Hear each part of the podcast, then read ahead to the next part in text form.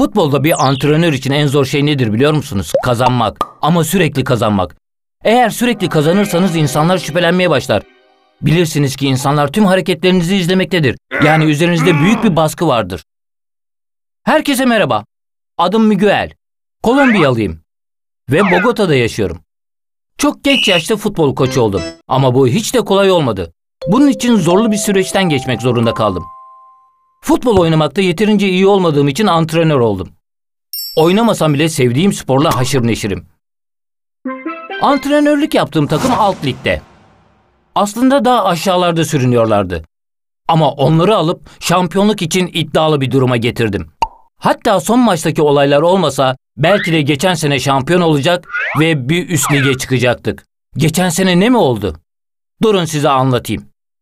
Dediğim gibi antrenörlük lisansını yeni almış bir çaylak olarak ortalıkta dolaşırken bizim kulübün başkanı tecrübeli bir antrenöre verecek paraları olmadığı için beni takımın başına getirdi. Sözleşmem hiç fena değildi doğrusu. Öğle yemeği ve toplu taşıma masraflarım da karşılanarak gelirime dahil edilecekti. Şampiyonluk primi yok mu diye sorduğumda etrafımdakiler bana kahkahalarla güldüler. Sonra başkan kahkahalar atarak şöyle dedi. Eğer şampiyon olursanız hepinize birer apartman dairesi satın alacağım. Bu yeterli mi? Anlaştık dedim ve bunu sözleşmeye de yazdırdım.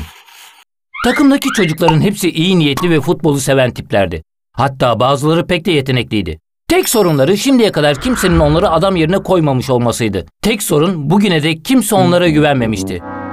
Özgüven eksiklikleri vardı çünkü bugüne dek hiçbir maçı kazanamamışlardı. Ama ben bunu değiştirecektim. İlk önce özgüvenleri üzerine çalışarak bir dostluk maçı oynattım takıma. Karşı takımda oynayanların hepsi benim yakınlarımdı ve bunu oyuncularımın hiçbiri bilmiyordu. O maçta galip geldiklerinde her şey değişmeye başladı. O günden sonra lig maçlarında önlerine geleni deviriyorlardı. Biz maç kazandıkça seyircimiz artıyor, seyirci arttıkça da ismimiz duyuluyordu. Takımım kazandıkça popülerliğimiz artıyordu. Ligin son haftasına gelmiştik. Lig lideriyle oynayacaktık. Kazanırsak şampiyonluk bizimdi. Maça çok iyi başlamıştık. Rakip çok güçlüydü. Ama benim taktiklerim de işe yarıyordu. İlk yarıyı 2-0 önde bitirmiştik. Kulüp başkanının yüzünü görmeliydiniz. Soyunma odasına giderken ona çantamdan çıkarttığım sözleşmeyi sağladığımda yüzü renkten renge girmeye başlamıştı. İkinci yarı başladığında yedek kulübesinde yedek futbolcuların değil, onların formalarını giymiş tanımadığım iri kıyım adamların oturduğunu gördüm.